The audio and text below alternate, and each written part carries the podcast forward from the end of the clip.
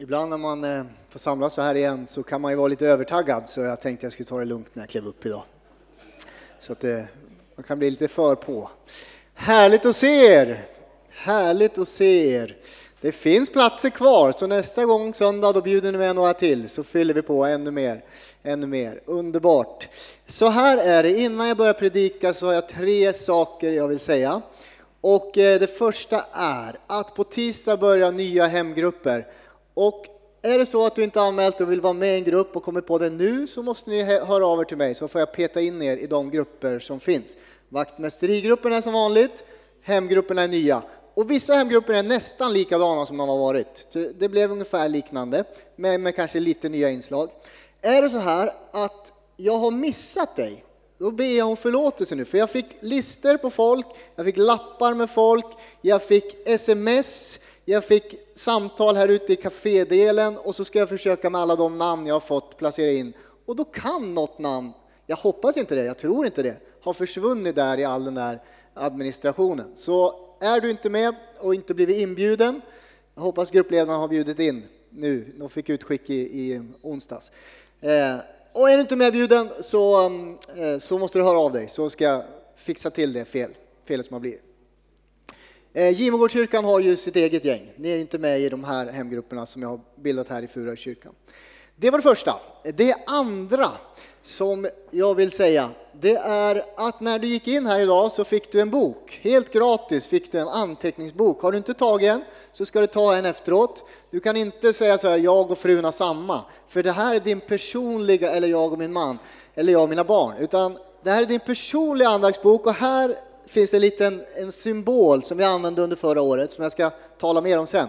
Men i den här boken så ska du skriva ner jag tänker att det kan vara som en, en andlig dagbok. En del av er säger jag skriver aldrig något. Nej, men då är det dags att börja skriva något.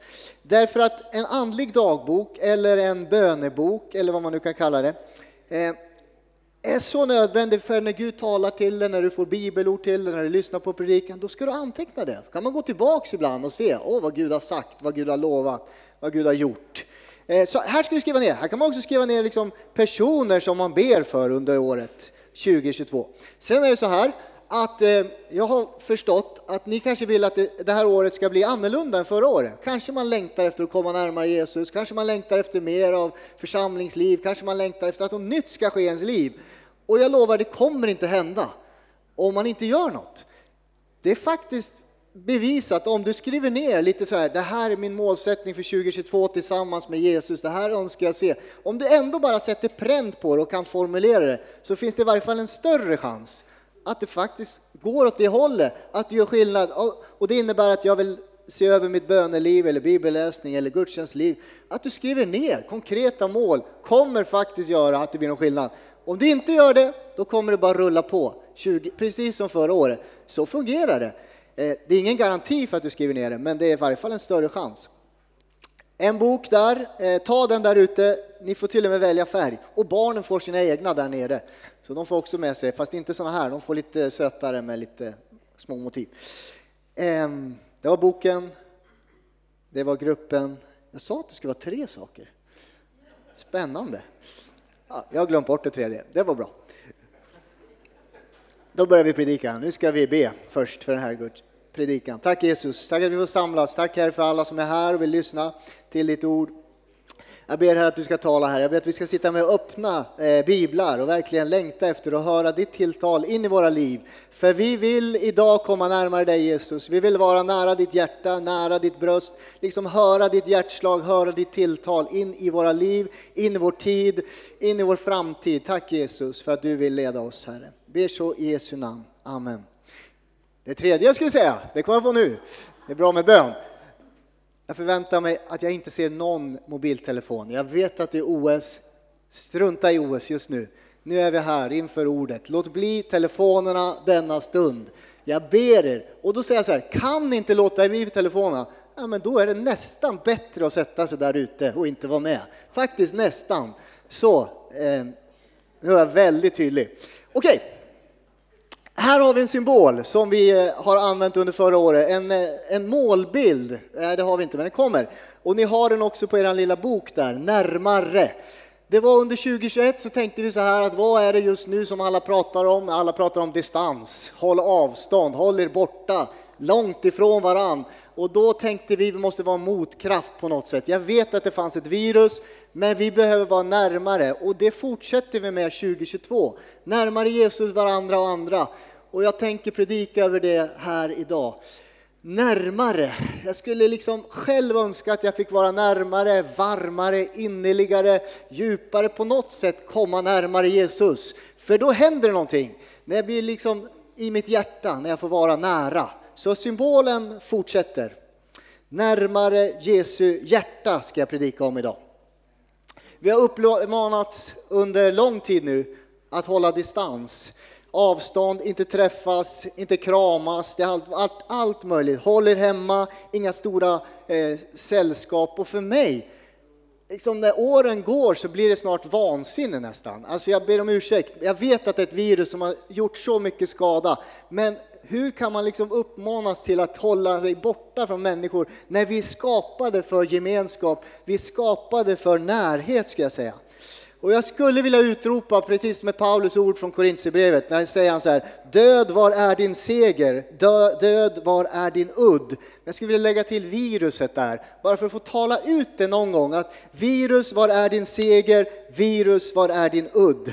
Jag skulle liksom, ah, att vi för någon gång fick säga, för bibelordet fortsätter så här, Gud var ett tack som ger oss seger genom vår Herre Jesus Kristus. Någon gång måste detta besegras och vi får kliva in i det nya Gud har för dig och mig. Vi behöver liksom, ah, udden är bruten nu, nu behöver vi gemenskap. Du vet, Jesus han var nära, vet ni det? Han var väldigt nära människor. Han umgicks med människor, han åt mat med folk och han åt med spetälska, han åt med ja, de som ingen annan ville vara med. Han rörde vid människor. Jesus rör vid människor ständigt igen. Han spottade eh, på, i liksom, i lite sand eller lera, tog upp det där och stoppade på ögonen på en blind. Det är inte coronavänligt. Alltså Jesus var närgången hela tiden. Han var verkligen det. Och han säger åt oss lärjungar, faktiskt dig och mig, att lägga våra händer på sjuka så ska de bli friska. Närhet, närhet, närhet. Fysisk beröring, utan att bara lyssna på Jesus, bara gå till forskning, är helande och läkande. Att få känna att någon rör vid mig. Kanske liksom bara någon tar sin hand på, på axeln på mig, så får jag känna att kraft kommer hälsa, liv kommer över mig. Jesus, han talar hela tiden om närhet. Han vill komma nära, närmare dig i dessa dagar. Vi behöver leva närmare Jesus, varandra och andra. Och vi ska läsa en text, det är en lång text. Och ni behöver en bibel. Eller i och för sig kommer den upp där, men det är ändå roligt att ha en bibel. Så vi slår upp Johannes evangeliet och det här är faktiskt texten som, som ligger till grund för närmare orden, men jag har aldrig predikat över den. Men det är just den här texten som jag läste när jag började tänka på de här orden. Eh, för länge sedan var det, det är flera år sedan. Johannes 13.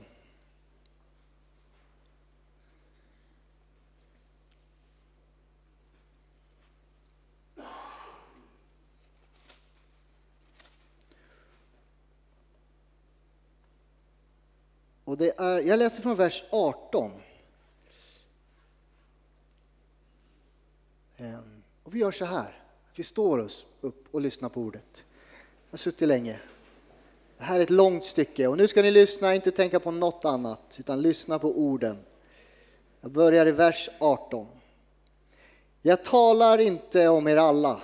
Jag vet vilka jag har utvalt, men skriftens ord måste uppfyllas. Den som äter mitt bröd har lyft sin häl mot mig. Jag säger det redan nu, innan det sker, för att ni när det skett ska tro att jag är den jag är. Sannerligen, jag säger er, den som tar emot någon som jag sänder, han tar emot mig. Och den som tar emot mig, han tar emot den som har sänt mig. När Jesus hade sagt detta skakades han i sitt innersta och vittnade, sannerligen, jag säger er, en av er kommer att förråda mig. Hans lärjungar såg på honom och undrade vem han menade.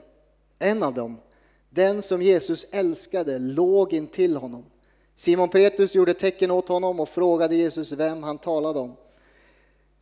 Eh, åt honom att fråga Jesus vem han talade om. Lärjungarna, lärjungen lutade sig bakåt mot Jesu bröst och sa Herre, vem är det? Jesus svarade Han som får brödet som jag nu doppar. Och han doppade brödet, gav det åt Judas, Simon Iskariots son. När Judas hade fått brödet for Satan in i honom och Jesus sa Gör genast vad du ska göra. Ingen av dem som var med vid bordet visste varför han sa detta till honom.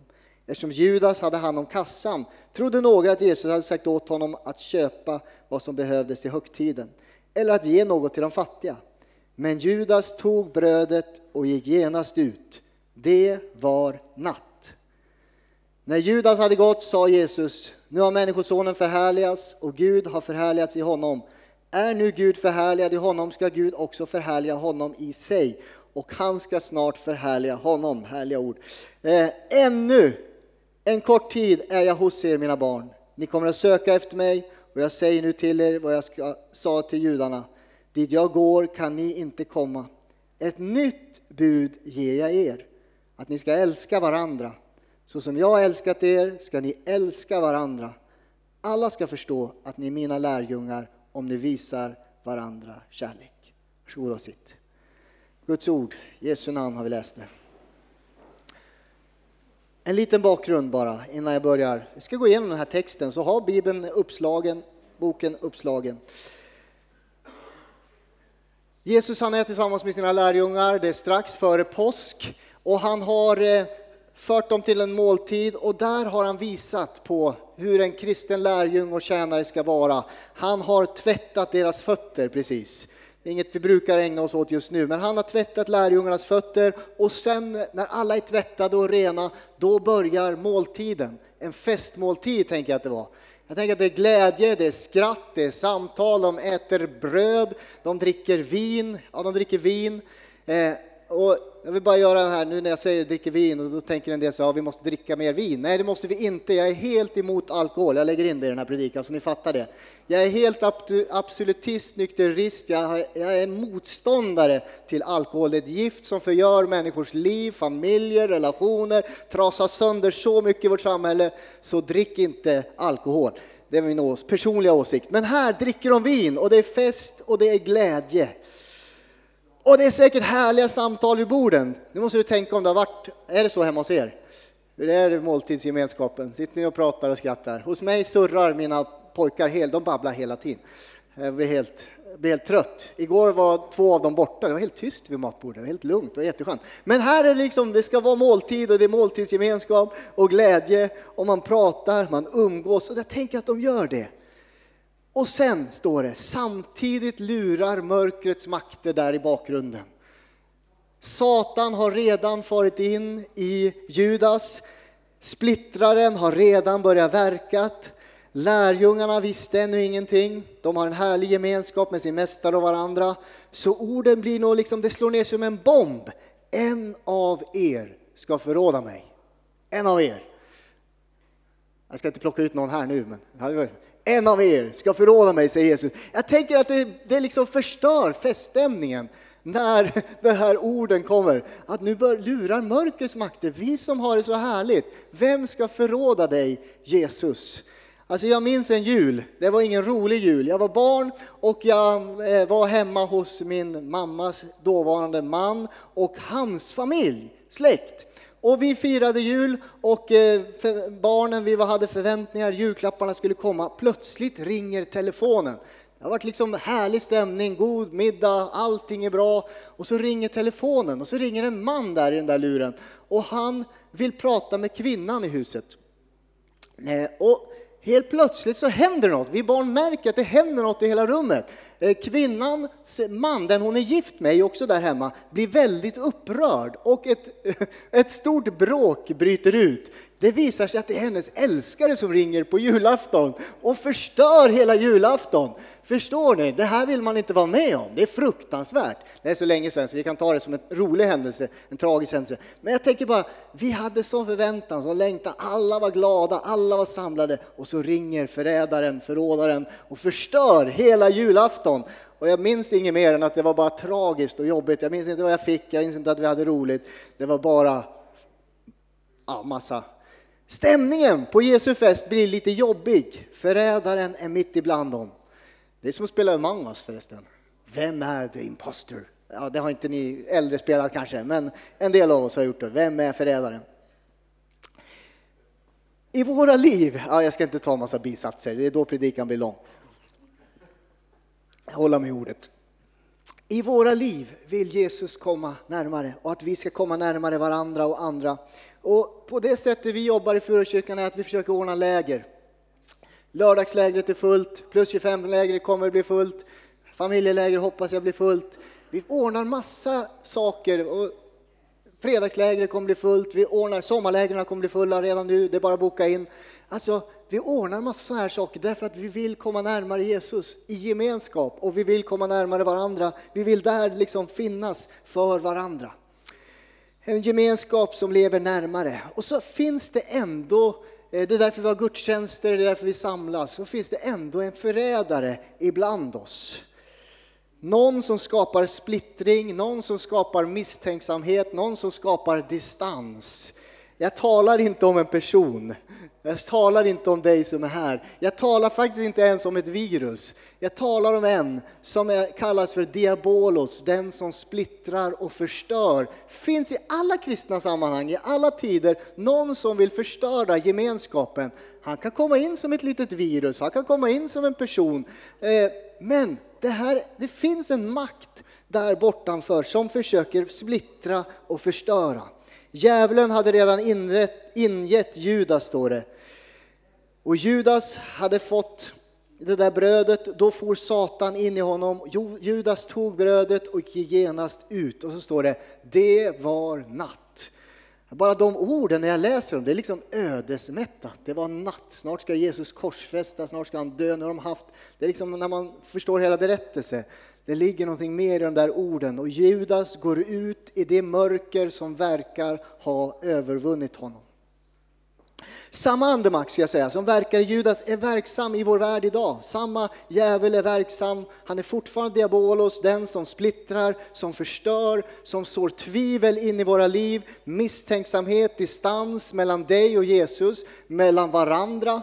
Vi har diskuterat coronapass och virus och vaccinering, inte vaccinering. Det kan leda till något gott, men oftast leder det bara till splittring, olika åsikter, där vi förs bort ifrån varandra. Istället för Gud vill föra oss närmare.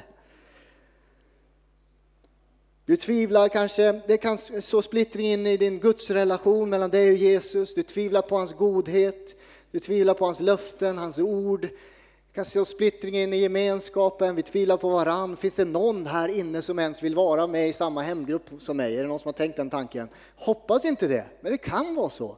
Det här är diabolos hela tiden, mörkret som vill förstöra. Självklart vill vi vara med dig. Vi vill att du ska vara med i gemenskapen, i församlingen, i hemgruppen, i bönen. Alla ska vara med. Vers 21. Står det så. När Jesus hade sagt detta, han har pratat om en sak, så står det så här.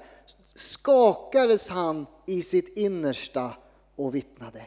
Alltså det står Jesus blev skakad i sitt innersta. När diabolos verkar, när djävulen verkar, så kan det skaka om i en kristen gemenskap, i ditt och mitt liv. Och det här är inte av oro skulle jag säga. En del av oss blir oroliga. Jag blir orolig för jag, när jag ser tidens tecken och allt som händer. Jag skulle säga att det här bibelordet betyder att han blir skakad, att han blir heligt upprörd över det som han ser hända. En helig upprördhet över det som sker och på väg att ske. Alltså om du känner dig skakad över det som händer i vår tid, var inte oroad, utan faktiskt, du kan bli heligt upprörd och vred över det som sker i vår tid och det leder dig någonstans, hoppas jag. Jag ska komma dit i bibeltexten snart. Alltså det är samma känsla av helig liksom vrede som Mose kände när han ser hur hans eget folk förtrycks i slaveriet. Han måste göra något.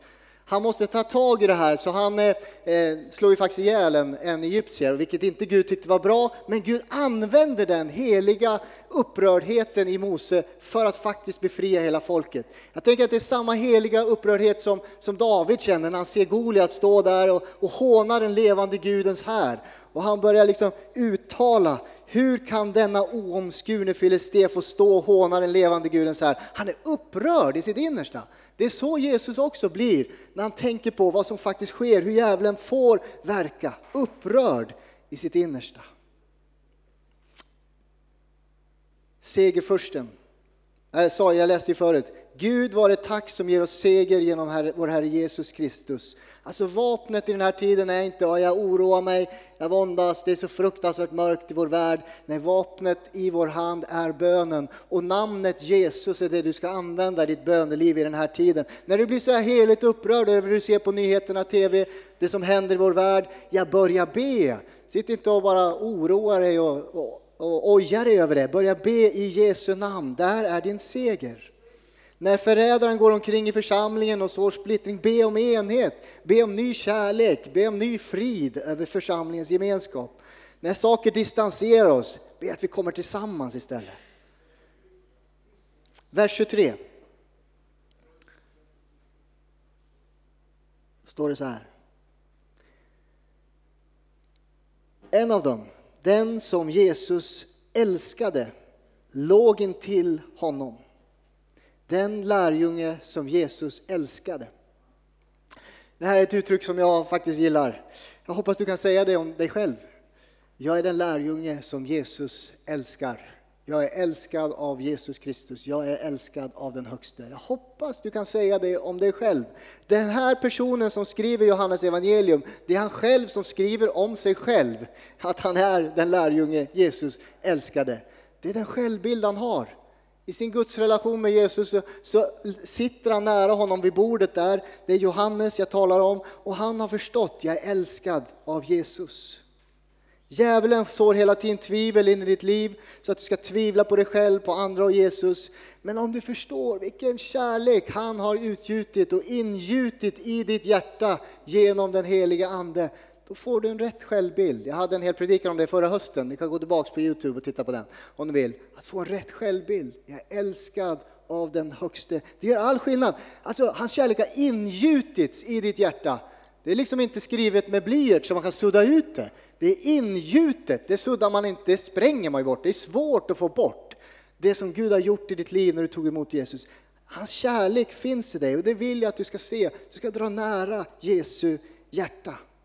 Det finns ingenting, står det, som kan skilja dig från Guds kärlek. Varken död eller liv, varken krafter i höjden eller i djupet. Ingenting. Du ska kunna säga, jag är den lärjunge Jesus älskar. Det berättas om Moder Teresa. Hon var i USA eh, och hon träffade en amerikansk president, jag har glömt bort vilken det var. Men storyn går i varje fall att hon säger till den amerikanska presidenten, vem det nu var, hon är ungefär så här lång eller var, en fantastisk kvinna. Och hon står med sitt pekfinger och stoppar det i magen på den här presidenten och så säger hon, du ska be med mig. Du ska be efter mig, säger hon. Jesus i mitt hjärta, jag vet att du älskar mig. Den bönen ska du be varje dag, säger hon till presidenten. Det är som en munk eller nunna som, eh, det brusar i den här monitorn, jag vet inte om man kan få vrida av den. Eh, det är, som en, det är som en andningsbön, att varje dag be Jesus i mitt hjärta, jag vet att du älskar mig. Vad händer då med dig? Ja, du får en förståelse av att Gud bor i dig, han är nära dig och att du är älskad av honom. Du måste få rätt självbild. För vad händer när man har den här bilden av jag är älskad av Gud? Ja, då ser vi vad Johannes gör. Vad gör Johannes? Det står i vers 25. Lärjungen lutade sig bakåt mot Jesu bröst och sa Herre, vem är du? Jag vill att du ska se den här bilden. Det här är lärjungaskap. Jag förstår att jag är älskad av Gud, jag är inte rädd för att närma mig honom. Han är inte på distans, han är inte långt borta, han är nära. Han är så nära att jag kan luta mig mot hans bröst. Vad gör man där? Man lutar sig. Vad gör du när någon behöver tröstas, när någon är orolig, när någon är rädd? ja då tar du upp den personen, du kramar om den personen, du håller den personen nära dig. När mina barn rädda, jag bär dem vid mitt bröst. Har jag, dem. jag tänker den här bilden är en lärjunge som, som lutar sig mot Jesu bröst, nära hans hjärta vill han vara. Där finner han lugn, där finner han trygghet, där finner han värme. När förrädaren är mitt ibland dem så lutar han sig mot Jesus i den här tiden. Nära Jesu hjärta. Dra nära honom, det är tro. Och jag vill att du ska göra det i den här tiden. Du ska skriva ner i din lilla bok här. På vilka sätt kan jag dra nära Jesu hjärta och liksom luta mig mot honom? I tider av oro, förrädaren går omkring, djävulen finns där, det är saker som händer, lidandet som jag pratade om förra veckan, så lutar du dig mot Jesu bröst. Där får du tröst, där får du värme, där får du trygghet. Hur går det till i ditt liv? Tro är tillit. I alfamaterialen när man, eh, man eh, läser på om det så berättas det om en missionär från Skottland i slutet på 1800-talet. Han reser till en stilla havsö och där hade folket ingen tro eller tillit till varandra. De åt upp varandra sägs det i berättelsen. Det var kannibalö han var på. Och då skulle han skriva ner Bibeln och där tro då skulle beskrivas som att lita på varandra eller sätta tillit till varandra. Det fanns inga sådana ord, säger han, i deras vokabulär. Så han får hitta på ett ord och då säger han det att, att tro är att luta sig av hela sin kraft mot någonting och veta att det håller. Jag tänker det är precis det, du ska luta dig mot Jesus och veta att hans, verk, hans fullbordade verk på korset håller i alla tider in i evigheten. Luta dig mot honom, det han har gjort för dig på korset. Då blir du trygg, då står du trygg i den här tiden. Vad gör han där vid bröstet? Han lyssnar på Jesu hjärtslag, tänker jag mig. Vi lyssnar på alldeles för många röster som inte skapar tro, som splittrar, som skapar distans och misstro. Men att lyssna till hans hjärta. Vad ligger på ditt hjärta Jesus? Det är det du ska lyssna till 2022. Du lyssnar på för mycket annat, eller hur? För det gör jag, så jag vet att du också gör det. Så man känner sig själv känner man andra, eller vad säger man? Alltså man lyssnar på för mycket annat. Alltså, försök stänga av för en tid i varje fall. Och så börja lyssna på Jesu hjärtslag. Vad slår ditt hjärta för Jesus? Vad vill du i den här tiden? Låt mitt hjärta fyllas med samma sak som ditt hjärta är fullt av. Låt mitt hjärta slå för det som ditt hjärta slår för. Han du ta den tiden, det är därför du har den här boken. När du går in i din egen bön så ska du skriva ner vad är på Guds hjärta? För mig, för mitt liv, för min familj, för min framtid. Så börjar du anteckna det så ser du sen att det har hänt saker. Jag går tillbaks till mina gamla böneböcker från när jag var 22 år eller något. Det är jättespännande att läsa vad jag skrev ner, vad Gud hade gjort och vad Gud hade sagt. Och så får man påminnas om hur han har varit med. Så det är därför du för lite anteckningar också. Han lutade sig mot Jesu bröst. Det är det jag uppmanar er att göra i den här tiden. Och där gör han vad då? Han börjar be. Samtala med Jesus.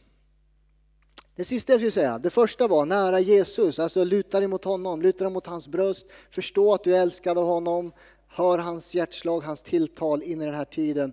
Det andra, och det är väldigt kort som jag ska ta, för det här kommer vi prata om mer om i, i vår. Eh, då står det sista i texten, ett nytt bud ger jag er, säger Jesus. Ett nytt bud ger jag er. Man hade massor med bud att förhålla sig till. Ni ska älska varandra och så lägger jag till, men också de andra, för att det passar så bra in. Alltså vi har liksom en uppmaning från Gud att älska varandra i gemenskapen. Det här talade jag om i somras jättemycket. Eh, men också de andra. Det finns en värld som längtar och behöver Jesus. Och du och jag, vi får stå i det uppdraget. Vi är hans kropp i den här tiden. Församlingen, ett verktyg att vinna den här världen för Jesus. Vi kan inte bara älska varandra, vi måste också låta den kärleken sprida sig till andra människor. Det är ett privilegium privilegium att få vara med i Guds uppdrag att vinna världen. Det är en förmån att få stå i hans tjänst. Du gör det på ditt sätt, jag gör det på mitt sätt, men på något sätt är vi alla med i den verksamheten, det, det som Gud vill göra i den här tiden. Älska varandra, men också låt världen se er kärlek. Nå ut i världen genom er kärlek. Jag tänker när Gud vill föda människor på nytt, när Gud vill att en bebis barn ska växa upp, så är det ju fantastiskt om det är i en, i en fungerande familj med mycket värme och kärlek. Det är klart att det händer saker här som inte är bra. Men jag tänker att eh, ju varmare vi blir som gemenskap, som kristna, som lärjungar, då är det lättare för nyfrälsta att kliva in och, och växa till i tro här i vår församling. Så älska varandra, men också de andra. Jag ska avsluta med att bara sammanfatta vad jag har sagt. Det finns en eh, förrädare ibland oss. Någon som försöker splittra gemenskap, splittra vår gemenskap, våra relationer, förstöra. I den här tiden vill vi dra närmare. Vårt uppdrag är att inte gå på alla de här lögnerna, utan dra nära Jesus. Lärjungarna de blir heligt upprörda när de ser det som händer. När du blir heligt upprörd, då ska du skriva ner det här ska jag be för under 2022 för att Gud ska gripa in. Eh, Dra därför närmare Jesus, lyssna till hans hjärtslag, till hans tilltal. Älska varandra, gör allt du kan i din nya hemgrupp för att se varandra, bry er om varandra. Det har jag skrivit nu till ledarna. Jag, skrev, jag tror jag skrev som överskrift här. Se till att verkligen bry er om varandra, se varandra, ta tid med varandra. Var nyfikna på varandra, så skrev jag som överskrift. Fast ja, vi är kanske samma gamla grupp. Nej, men var nyfiken igen på dina vänner där. Så det blir en varm bönegemenskap, de nya hemgrupperna. Älska varandra och andra. Det var mitt ord för dagen. Nu ska vi be. Tacka Jesus. Tack Herre. Tack Fader. Halleluja, tack Jesus för att vi får läsa om dig igen. Du är en mästare, du är vår mästare, vår Herre. Du är vår förebild, du har gått före Herre genom liv och gärning. Och Herre, vi är så trygga i vad du har gjort för oss Herre. Vi tackar dig än en gång för ditt kors, för ditt blod, för din död, din uppståndelse, för ditt liv som flödar över oss. Tackar dig för att vi kan ta emot helig Ande. Vi kan bli födda av Ande och få din kärlek ingjuten och utgjuten över våra liv och in i våra hjärtan Herre. Tack Jesus. Tack Herre för var och en här. Du ser att vi ibland tvivlar på dig och tvivlar på varandra. Jag ber att alla de där oros och tvivel ska få rinna av oss Herre. Så vi, vi ser, vi är älskade av den högsta, av dig och av varandra Herre. Jag ber om en varmare inligare gemenskap Herre. Än mer nära dig Jesus. Tack Fader. Tack att du är med i fortsättningen av den här gudstjänsten och du vill röra vid oss idag Herre. Ber så i Jesu namn. Amen.